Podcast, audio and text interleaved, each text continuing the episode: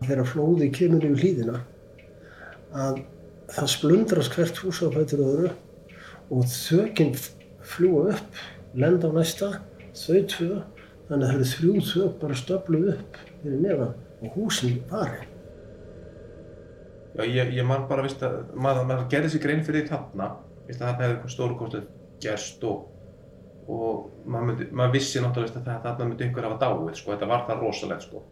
Ég veit ekki hvað þetta mörg hendur eða þúsund tonna af, af snjó sem voru þarna sem þurfti bara handmoka til til þess að finna fólk og það er einni fáar vísbendingar en um að þú finnir eitthvað sem að geti tengt við Sværnabergi í einhverju húsinu og geti eld þá slóð eitthvað. Ég lít hlýðina aldrei sem augum, aldrei. Svo, þú veist, er ég að í rauninni komin í ruggl hugsanir þegar þeir finna mig um kvöldi þá er ég, þá er ég að detta út og þeir segja að sest, ef að ég hefði sopnað þá þá hefði ég ekkert vaknað aftur. Og með vindinum kemur kvíðinn. Út er kólsvart hríðinn. Og fjallið það öskrar Svo fellur öll líðinn Og húsinn þau hverf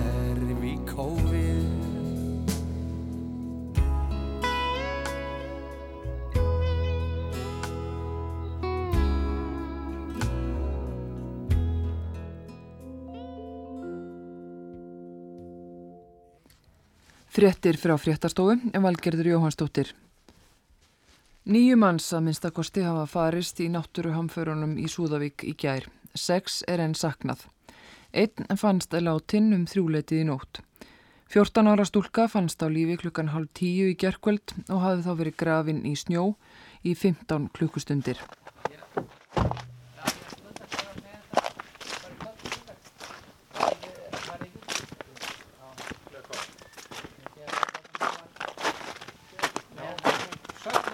Og blessa.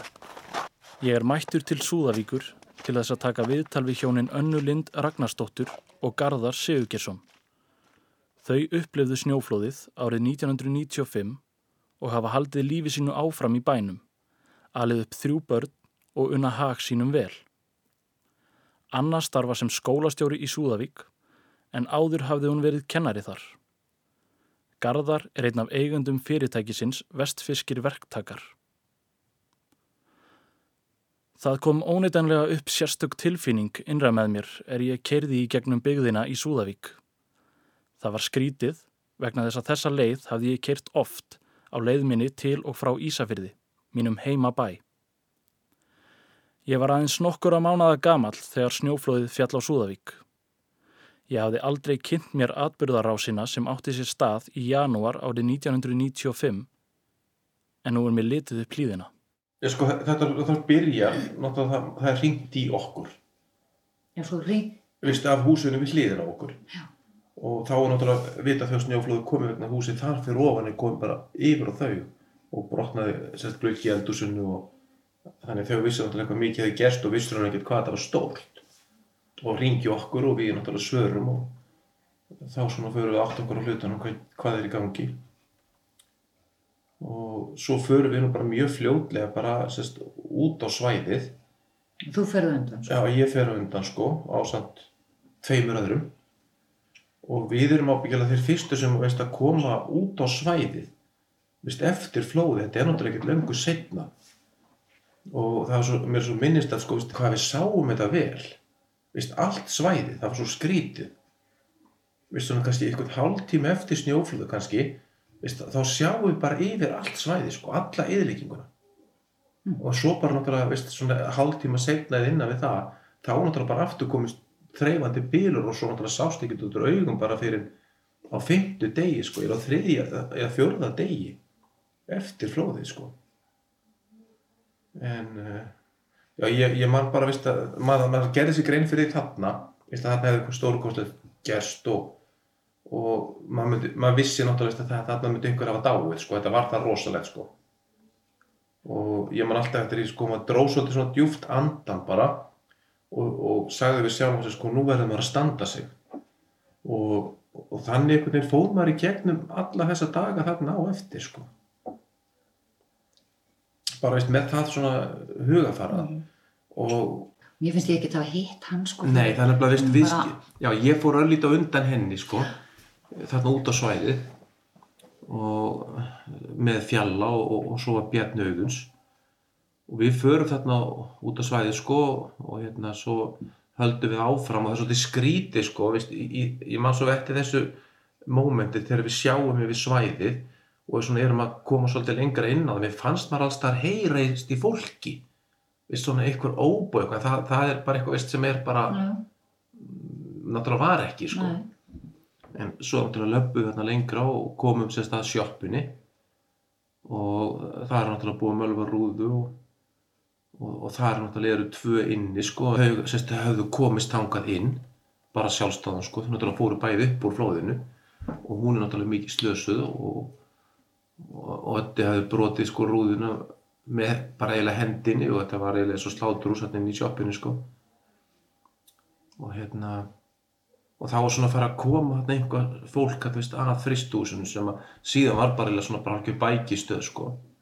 Eða fjölda hjálpastöðum sem myndi kannski heiti í dag sko. En svona vist eftir þetta þá náttúrulega já, fór að sapnast meira fólki hérna nýri til og, og uh, svo reyndum við nú meira að segja að fara þarna út uh, einhverju tíu kallar til þess að hérna leita og hérna svo vorum við með svona stíkur fórum að reyna að gera þetta svona skipilað sko, að labba í röð sko. En það var ekkert að marka þetta vegna þess að í svona þá ertu alltaf í einhverju. Þú ert alltaf að reka spýtuna í einhvað dínu, kotta, sófa bara eitthvað sko veist, þannig að þetta er svo ómargt að gera þetta við svona aðstæður sko. Þetta er kannski öðru í flóðin sem það fellur úr fjalli og fer ekkert yfir neitt sko. Það er kannski að leita að fólki. Það er kannski fyrir þetta ekkert að meðlega mála veist, ef þú lendir á einhverju sko en þarna var þetta alveg vonlust og við vorum náttúrulega bara hérna ein eitthvað, ég man ekki hvort það var til hvort að klukka var um tíu var ekki eitthvað vist, já, hjálp. þegar fyrsta hjálp með kemur sko, millir tíu og ellefu minni það sko Halldór Óli Hjálmarsson hefur starfað í Björgunarsveit í yfir 30 ár. Fyrst á Eirarbakka og svo á norðanverðum vestfjörðum. Og hvernig blasir súðaðið við þér þegar þú þegar þeir eru komin hérna á staðin er að, að, að koma hérna á, á fagranessinu hvernig, hvernig svona fyrsta minningin af aðstæðum hérna Sko það er náttúrulega þegar við komum, komum hana inn í höfna þá var nú bara fyrsta mál að komast í land sko. Það er, það gengur sjórin yfir bryggjuna sko, brotsjórin yfir bryggjuna og það var, ég hugsa að það hefur kannski verið fjórðungur af þeim sem að fóru í land sem að, sem að hérna sluppu svona nokkurn veginn þurrir upp í hús sko. En svo er náttúrulega, það var bara nánast allan tíman var ekkert skipni, þú sást bara já, frá 30 cm og kannski upp í 5-6 metra. Kom hann mann einu sinni eftir að það byrti aðeins til og við sáum bessan, glittaði bessan út á fyrðinum sko Mm. það var bara svona 5 mínútur eða svo sko Já. svo var þetta bara, já, ekkert skipni hver eru svona fyrstu, fyrstu verk þegar, þegar björgunarlið kemur frá Ísafiri, hver eru fyrstu verkinni á ykkur í, í Súðavík? Er það að koma upp einhverju stöð eða er farið strax bara í það að leita? Sko það var, uh, var búið að opna fristihúsið og það voru flest allir súðugingar komnir þangað inn eða leiðinni þangað inn og þeir voru, það var strax búið að ná nokkrum upp í flóðinu. Þannig að það var nokkuð klart svoleiðis húsnæðið og aðstæðan og, og það var bara farið strax í að, að hérna fara af stað að leita það var, var nú hugsunin fyrst sko að, að hérna, skipta liðina en að menn mútu skiptast á að verði hluti kvild og annar hluti úti en, en það gekk það vel st- strax sko að, að finna að það voru, fóru bara allir út raun og veru, það veit ekki af í, í mósturinn sko. Og hvernig er að, að móka í þessu? Getur aðeins, að því, sko, ég allan átta mig ekki á því, samt með að við viðtölu sem ég hef tekið, þá hef ég ekki fengið einhverja lýsingu að því hvernig það er að fara þarna í þorp sem að þú vantanlega þekki til, þú veist hvernig Súðavík var en það er, þú sérð ekki það sem þú séð áður. Hvernig er að móka, hvernig voru aðstæður í, í mokstur og, og svo leis?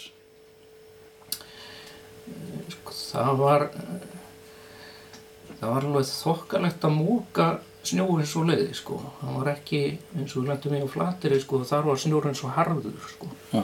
það var bara, bara steipa en það var í Súðavík þá var hann ekki, ekki eins harður sko, en á móti kemur að það er náttúrulega allt fullt af braki þú mókar tóði skopur og þá ertu komin í ískáp eða innréttingu eða hvað sko Já. ekki brott og Mhm. þannig að það er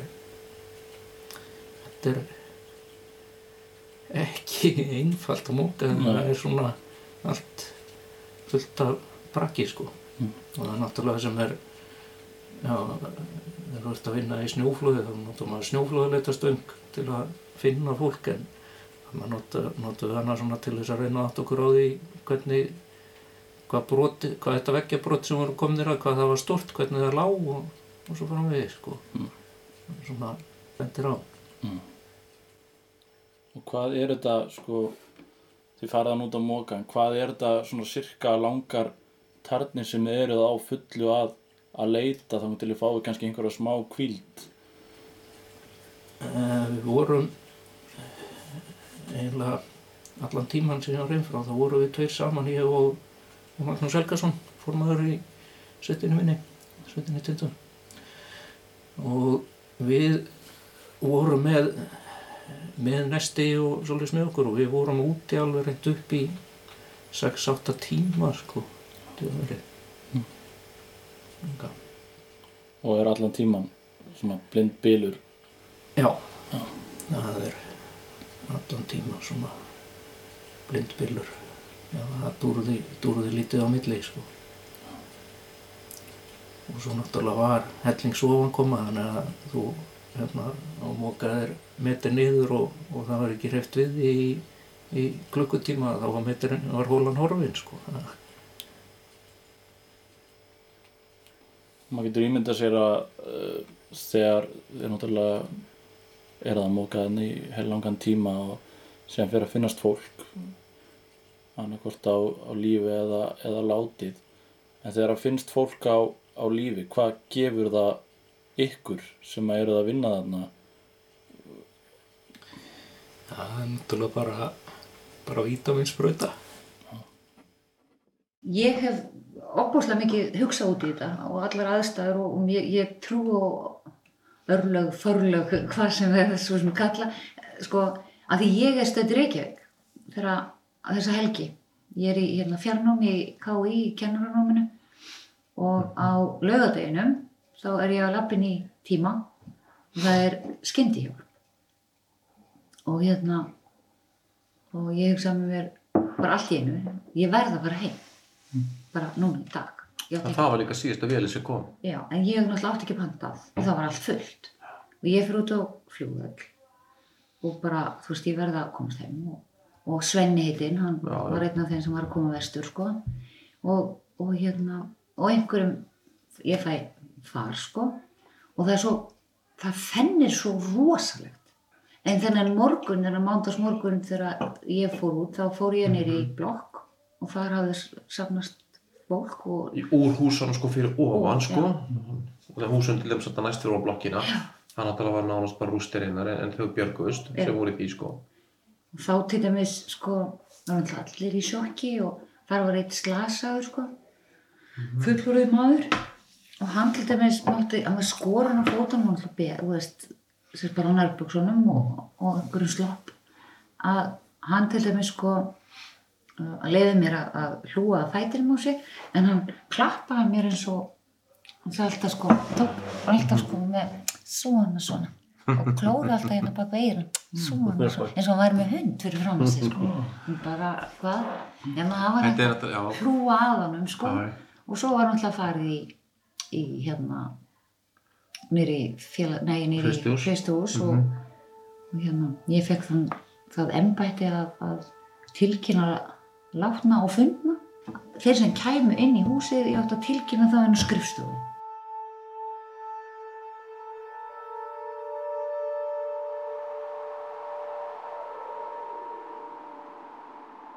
Nokkrir íbúar Súðavíkur fundust fljótlega í flóðinu en margra var saknað. Garðar og Annalind reyndu hvaðu gátu til þess að hjálpa til, meðal annars með endurlífkunar tilraunum á einstaklingi sem hafi lent í flóðinu. Hann fannst fyrstur af öllum. Hann var bara ofan á sko og var með smá lífsmarki. Já. Og við blésum og hnóðum hann alveg rosalega lengi, sko. Og alltaf var pín púls Já, já. Og hérna, en svo þess að kemur, koma þeir frá sjúkrásinu og, og Þorsteinn segir bara strax, bara, þú veist, gerir ykkur hérna og svo bara segir, nei, þetta er búið. Já. og maður bara, nei, nei, það er búl sko, þú veist. en hann sagði, nei, þetta og svo tók hann okkur aðeins frá og sagði hann er Ítla farið. já, bara mjög þetta er bara búið Hver einn og einasti einstaklingur fæðist hér sem ljósvikingur ekki ekki ein Með tilkomu lauruglu og björgunarliðs frá Ísafyrði komst betra skipulag á björgunaraðgerir en þungamiðja á skipulagningu leitar fór fram í fristihúsinu Frosta. En ljóst var að þörf var á meiri mannskap. Ákveðið var að björgunarskipið Týr kæmi frá Reykjavík með björgunarlið og tæki. Einnig söpnuðu tógarar fyrir vestan saman björgunarliði á vestfjörðum. Nú segi þetta er frá frum raun almannavarna Eh, og stjórnstöðurinn er Reykjavík. Því að við erum að hafa samband við lögregluna og svo stjórnstöður almannavarna. Þannig að vantar svona samræmingu. Og uh, svo er það sem að gerir sko að það uh, þeir, þeir hjá almannavöldum okkar ætla að panta lögreglum með, með verðskipinu vestur. Svo gleymist það. Þannig að það kom einhver viðbót við lögur okkur sem okkur sáru vantaði sko því að við vorum með tvo lögurinn með annan einn á teftur á flatýri, annar inn í önundafyrði og svo tveir út í bólgang af þessu tólmanna liði sko. Þannig að við vorum svakalega vangbrotnir. En svo er enginn sem spyr okkur hvað vantar ykkur. Okkur vantar bara menn með snjóflóðílur og skóflur og snjóflóðleitur þangir og náttúrulega fleiri hundar. En þeir fara að setja uh, snjóbíla á borð í verskipið. Og menn eru að, ég, mín skoðun er svo, menn eru að setja þessi tækjum borð geta að fara vestur og leiki sér. Þeir eru ekki hugsa um að koma tettur og þrýr. Það er aftaka viður, reklaða skipi með þungum erfiðum tækjum sem það eru að strappa niður í lestarnar. En það við kendi skipstjórum það að þessi tæki senkuðu fyrir þeirra mjög og þeir leggja ekki að stað úr Reykjavík hvernig eftir hátíð sko því þeir er svo mikið, mikið vinna við að koma þessum dótarum dótarum um borð Ykkur raun vantaði bara mannskap, það var ekki. og við varum menn og vantar mann til að leysa okkar menn af Verkefni lauruglunar á þessum tíma voru ekki einungi spundin við snjóflóðið í Súðavík. Hættu ástand hafði skapast víðsvegar um norðanverða vestfyrði í umdæmi lauruglunar á Ísafyrði. Setna um daginn örlagaríka átt eftir að falla annað flóð í Súðavík. Ekkert manntjón hlaust af því en aðrar afleiðingar gerðu vart um sig að sögn Önundar Jónssonar yfir laurugluþjóns á Ísafyrði. svo er svo margt sem gerist þarna sko það kemur hérna skömmur setna annað flóð sem er innar og það kemur einmitt á húsi sem voru rýmt og það flóð rýfur með sér spennistöðuna sem að rafmagna, þannig að rafmagna fer. Þá var reynd að fá hérna kofran, tóðara hann hafði verið hérna sko um nóttina. Og þau voru búin að fá hans að lýsa upp. Sko, hann kom og síld hérna og lýsti upp svæðið.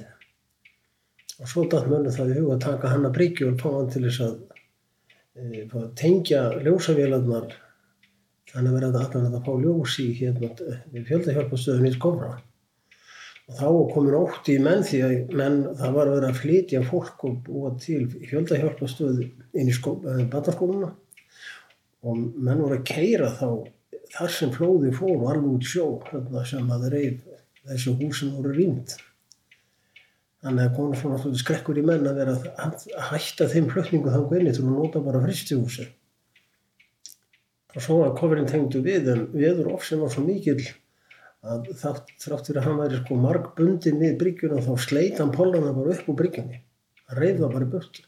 Önundur segir að bóðum aðstóð hafi borist víðsvegar af landinu. Meira að segja var tekið mark á ábendingum sem bárust frá fólki sem saðist búa yfir skegnikáfu. Það buðu allir fram aðstóð sína sama hvar þið voru á landinu. Það var alveg sama hvar það var, hvort það vantaði tæki, skipi, mannskap, allir tilbúinir. Og menn voru með sér tilbúin að láta sko, fljúga með sér á þyrlu og labba svona allt djúpið sko. Það var, það var engi takmark fyrir hvað menn voru að bjóða. Svo líka fólk að hingja sem að sæðist vera skik, já, vera skikn eða já, sjá fyrirburði og var að lýsa öllu. Þá var hann leiðum að fekk svo leið svo letum við allt til hérna inn til þeirra sem stjórnaði aðgerðum svo ekki. Sögðum alltaf frá öllu svo leiðis. En ég fylgdi því aldrei eftir hvort að eitthvað þessu bara árangur eftir miður sko. Var það fólk að ringi eins og eftir að skengt og, og væri að sjá til dæmis einhvern einstakling í þorpinu sem að væri undir svo hann var að lýsa því hvað hann væri og líka lísti því mjög vel eða sko lísti aðstæði mjög eðlilega eins og að lágu undir þessu og lágu bak við þetta.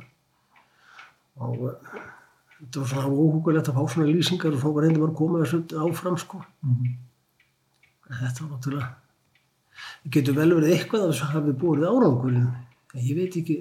Þessu var allavega komið áfram bara. já, já, mm. Eftir því sem leiða björgunaraðgerðir fóru fleiri einstaklingar sem lendu í flóðinu að finnast. Og því miður reyndi Skarðar Sigurgesson sannspár.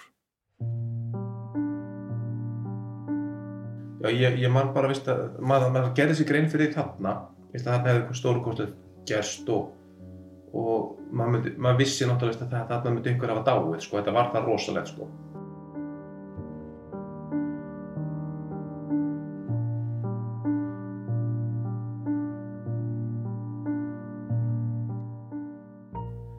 Ekki komust allir lífs af. Björgunar aðgerðir stóðu yfir í langan tíma í aftaka veðri. Alls létust 14 einstaklingar í snjóflóðinu. Þar af 8 börn. Rúmar 15 klukkustundir liðu frá því að flóðið fjall þar til að hinn 14 ára gamla Elma Dögg Frostadóttir fannst. Ég gerði mér aldrei grein fyrir þetta að vera snjóflöð en, en ég gæti ekki treyft mig og þá, mér fannst það rosalega óþægilegt að vera svona föst. En ég tel að þeir hafi verið með um, einhverja leitastangir í herbygginu við hliðin á mér.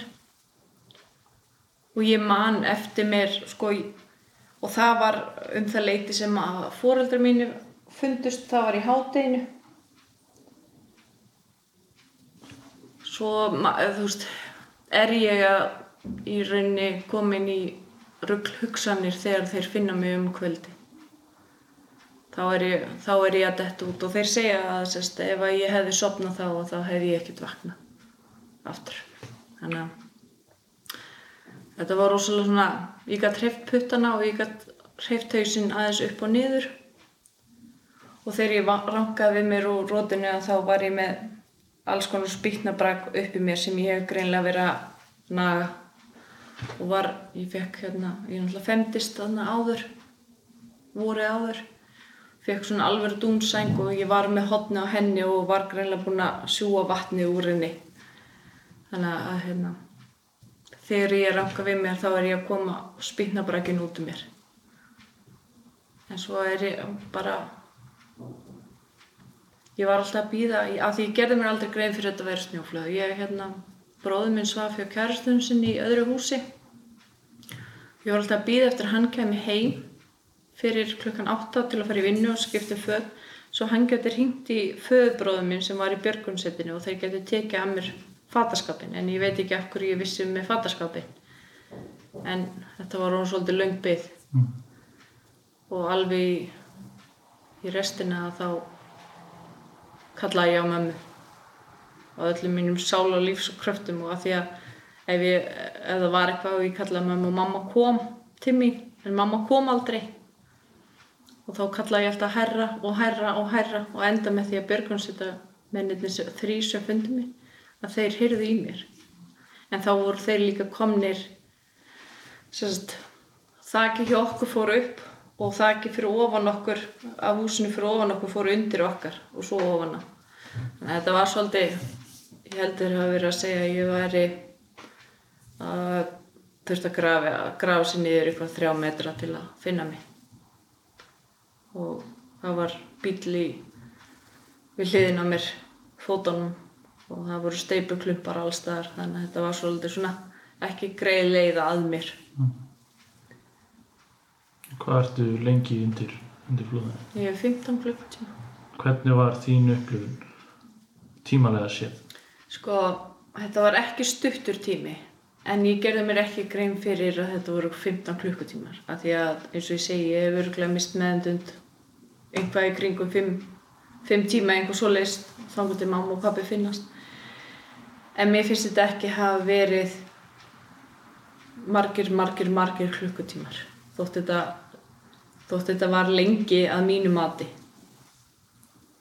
En ég man að þegar þeir fundu mig þá voru þeir með vasaljós að reyna að lýsa á hvort ég sæi einhvað ljós. Og þegar þeir tóku allt af mér að þá var mér svo rosalega kallt samt var ég ekki með sængaði neitt en ég lá á dýnun minni. En þegar þeir tóku allt af mér að þá var mér svo mér var svo sjúklega kallt og byrjaði að titra. Þeir ætlaði að reyna að klæða mig í galla en það var alltaf ég var svo ekki líkamlega ástandi til þess að fara í gallan. Og ég man að þeir þeir voru lengi að spá í hvert ég geti dreigið mig bara á dýnunni niður í fristús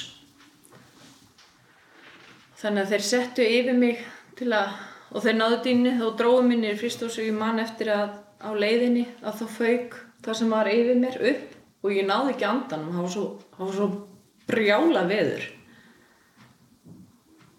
En þegar ég kom niður í fristósa þá bara, ég, ég titraði, mér, mér var svo rosalega kallt.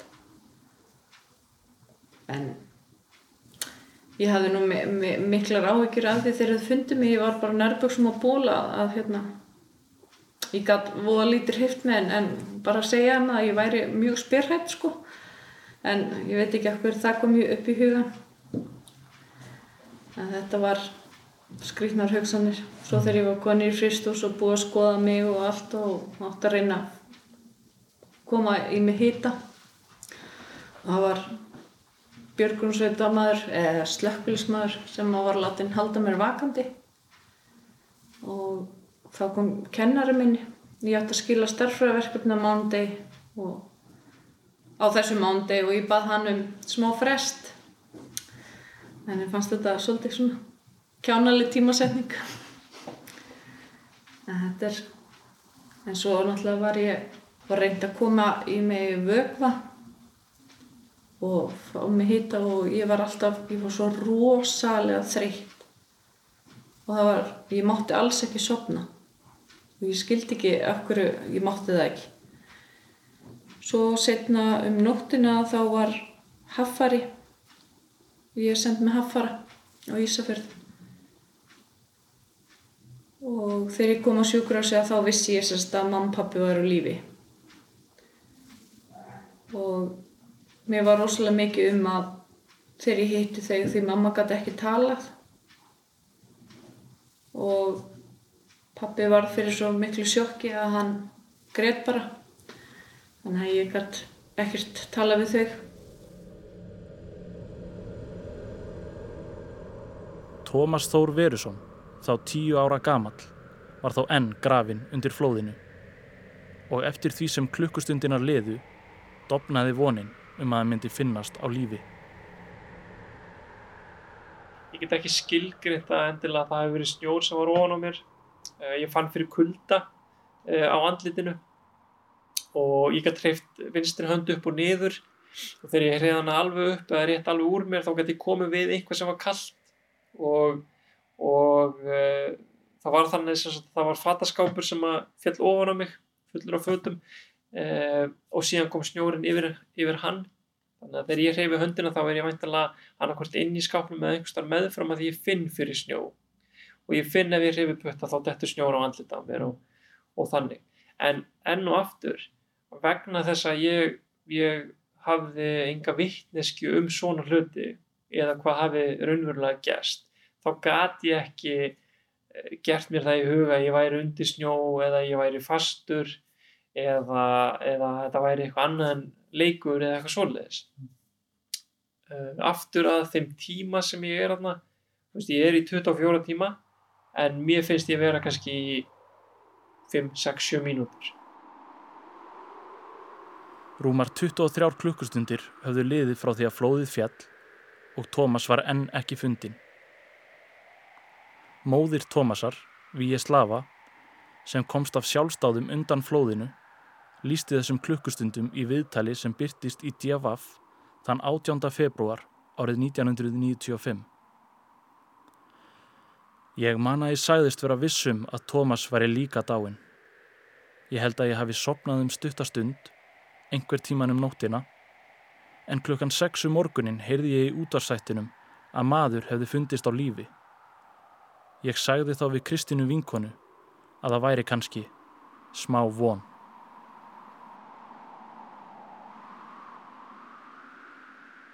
Þá finn ég að það er byrjað að grafa og það er byrjað að taka hluti af mér.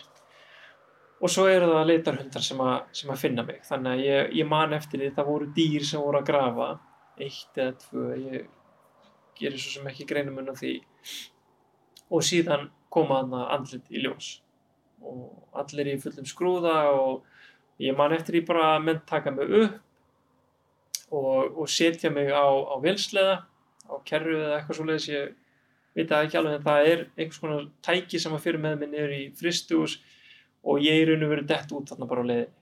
Þannig að þegar að ég er uh, yeah, ég held ég hafi farið á sjúkrabörum inn uh, ég ranka við mér þegar ég er komin uh, já það er farið með mig einhvern gang fram hjá einhverju fólki og síðan inn í eitthvað rými. Ég man ekki þegar ég kem að húsinu eða þess átt þannig að það er veist, ég dett út þarna inn á milli. Uh, en að sama tíma þá er þetta ekki mjög laung vegalend frá, frá þeim staða sem ég hef fundin og að fristihúsinu, þetta eru örfáur metrar þannig séð því að náttúrulega flóðu var búið að taka húsið svolítið langt niður.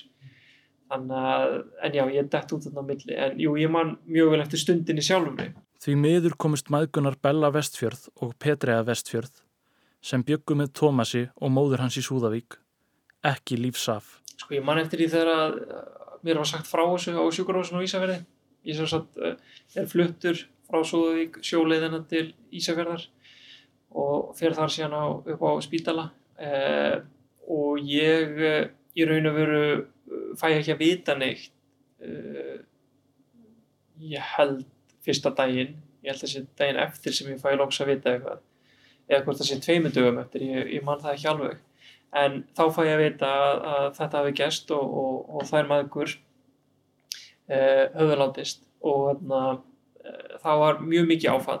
Eh, það var ég, það var mikil sorgastund ég man vel eftir því og, og mér fannst það ekki beint sangjart hvað gerst. Veist, aftur ég hafði ekki hugmynd hvað snjóflóð væri en mér fannst ekki sangjart að, að þær höfðu ekki komist uh, að samaskapi eins og ég eða, eða mamma mín gerðu.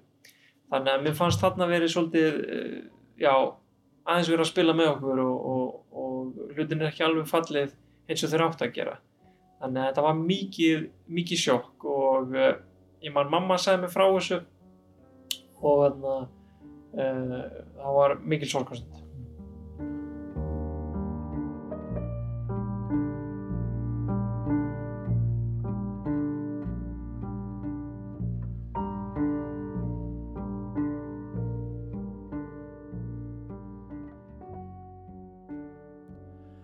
Eftir því sem ég aflaði mér frekari upplýsinga um snjóflóðið og atbyrðarásina sem átti sér stað í Súðavík árið 1995 var mér fljótt ljóst hversu stórt hlutverk þjóðhöfðingi Íslands, frú Vigdís Fimboadóttir Forseti, spilaði á þessum tíma. Ég hafði tekið eftir því hversu fallega Önundur Jónsson, fyrfirandi yfirlaurglu þjóttn á Ísafyrði, skrifaði um hlutverk Vigdísar á þessum tíma í bókarkabla sem hann setti saman um snjóflóðið í Súðavík. Svo ég ákvaða að spyrja hann út í Vigdísi. Þá rann upp fyrir mér mikilvægi hennar.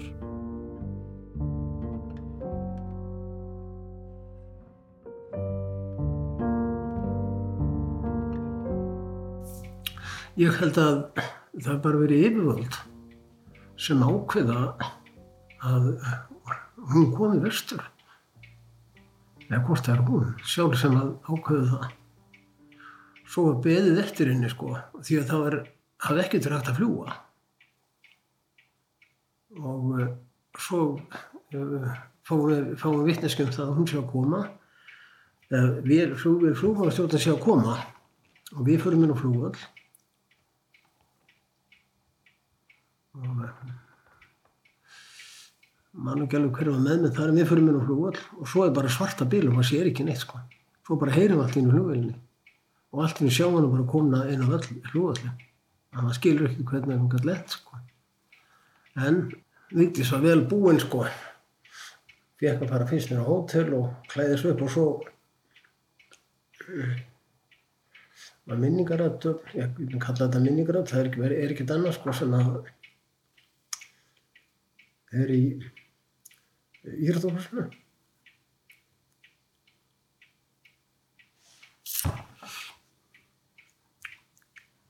Tvö.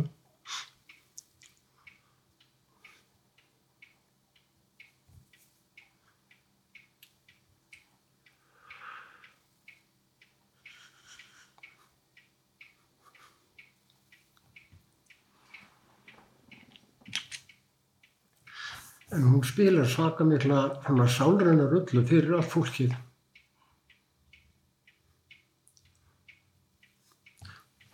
Hún hilsar öllum og, og talar hughristandi við allar.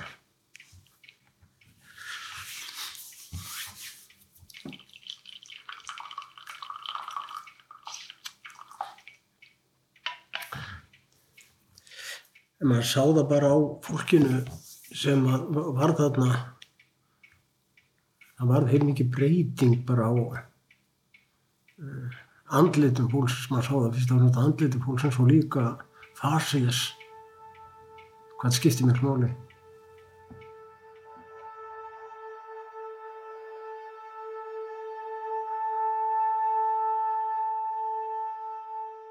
Gott kvöld. 13 súðvikingar hafa fundist látnir í snjóflóðinu sem fjall í gerðmorgun. 11 komust lífs af og eins er enn saknað. Leitarhundarnir sem farið var með til Súðavíkur strax í gerðmorgun réðu úslitum um að fólk fannst. Ekki stendur steitni við steini í þeim húsum sem urðu fyrir aðalflóðinu.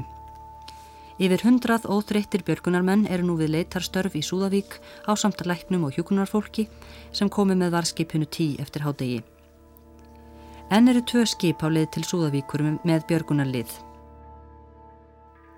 Horfur eru á að veður verði áfram afar slæmt á vestjörðum fram að helgi. Þar og víðar um landið er spáð ofsa veðri í nótt og á morgun. Snjóflóðið sem fjall á byggðina í Súðavík átt eftir að breyta viðhorfum heimamanna og hafa áhrif á öryggið sem þeir höfðu fundið heima hjá sér. Anna Lind og Garðar gerðu mér það ljóst að viðhorfin gagvart hættunni sem stafað af snjóflóðum hefðu gjörbreyst eftir daginn örlaðaríka í janúar 1995. Það var ekki þessi hræðsla þá sko, að því menn held alltaf að þetta myndi bara stoppa við húsin sko Mhm. og, og þetta veist að fólk þurfti að stundum að flýta sig í neðra hlutan á húsinu, bara svona örgi sko, en svo komum við ljós þarna, það gerir náttúrulega ekki eitt eða neitt sko. Þannig ég far aldrei fyrir þessi hræðslu við eitt eða neitt sko. Nei, ekki heldur og, og, og bara í minn, og sko ekki, ekki bara þetta snjóflóð, heldur sko bara hérna áður og fyrr þegar var að vera að fara börn til dæmis, alveg í nýfstall og það er lók, það er, það er snjóflóð. Það var bara einhver kom á móti, þú labbaðir yfir nokkur snjóflóð og bara sóttur. Já. það er sko það var, þú fórst í bíó og þú var alltaf að fara tilbaka þá var snjóflóð. Mhm. þá var bara hringt, farið í Arnardal og fengið að ringja og strákan kom á snjóslu sko, og þú varst aldrei hrættur það er ekki fyrir sko, bara hvað hvað gat þetta gert? Þú veist, þú sást Ég, sko, það, ég held að sko, veist, að það trúði náttúrulega enginn þetta gæti gerst svona rosalegt sko. Þess vegna var kannski ekki í sér hæðsla En afleðingarna sko, þú veist að sjá að splundrist hús, bílin, bílarnir bara eins og dótabílar upp á einhvern vegg og svona sko, þá fyrst ferð að sko óttast, ég meina nú bara strax eftir þetta, ég lít hlýðina aldrei sem augum, aldrei, sko þá ég við líka út á Ísafjörð, skiljum maður horfir alltaf, þú veist alltaf á gá, maður er hrættari, Já, Það hugsa bara- allt öðru vísi sko. já. þetta breytist algjörlega við þetta sko. Ýmsir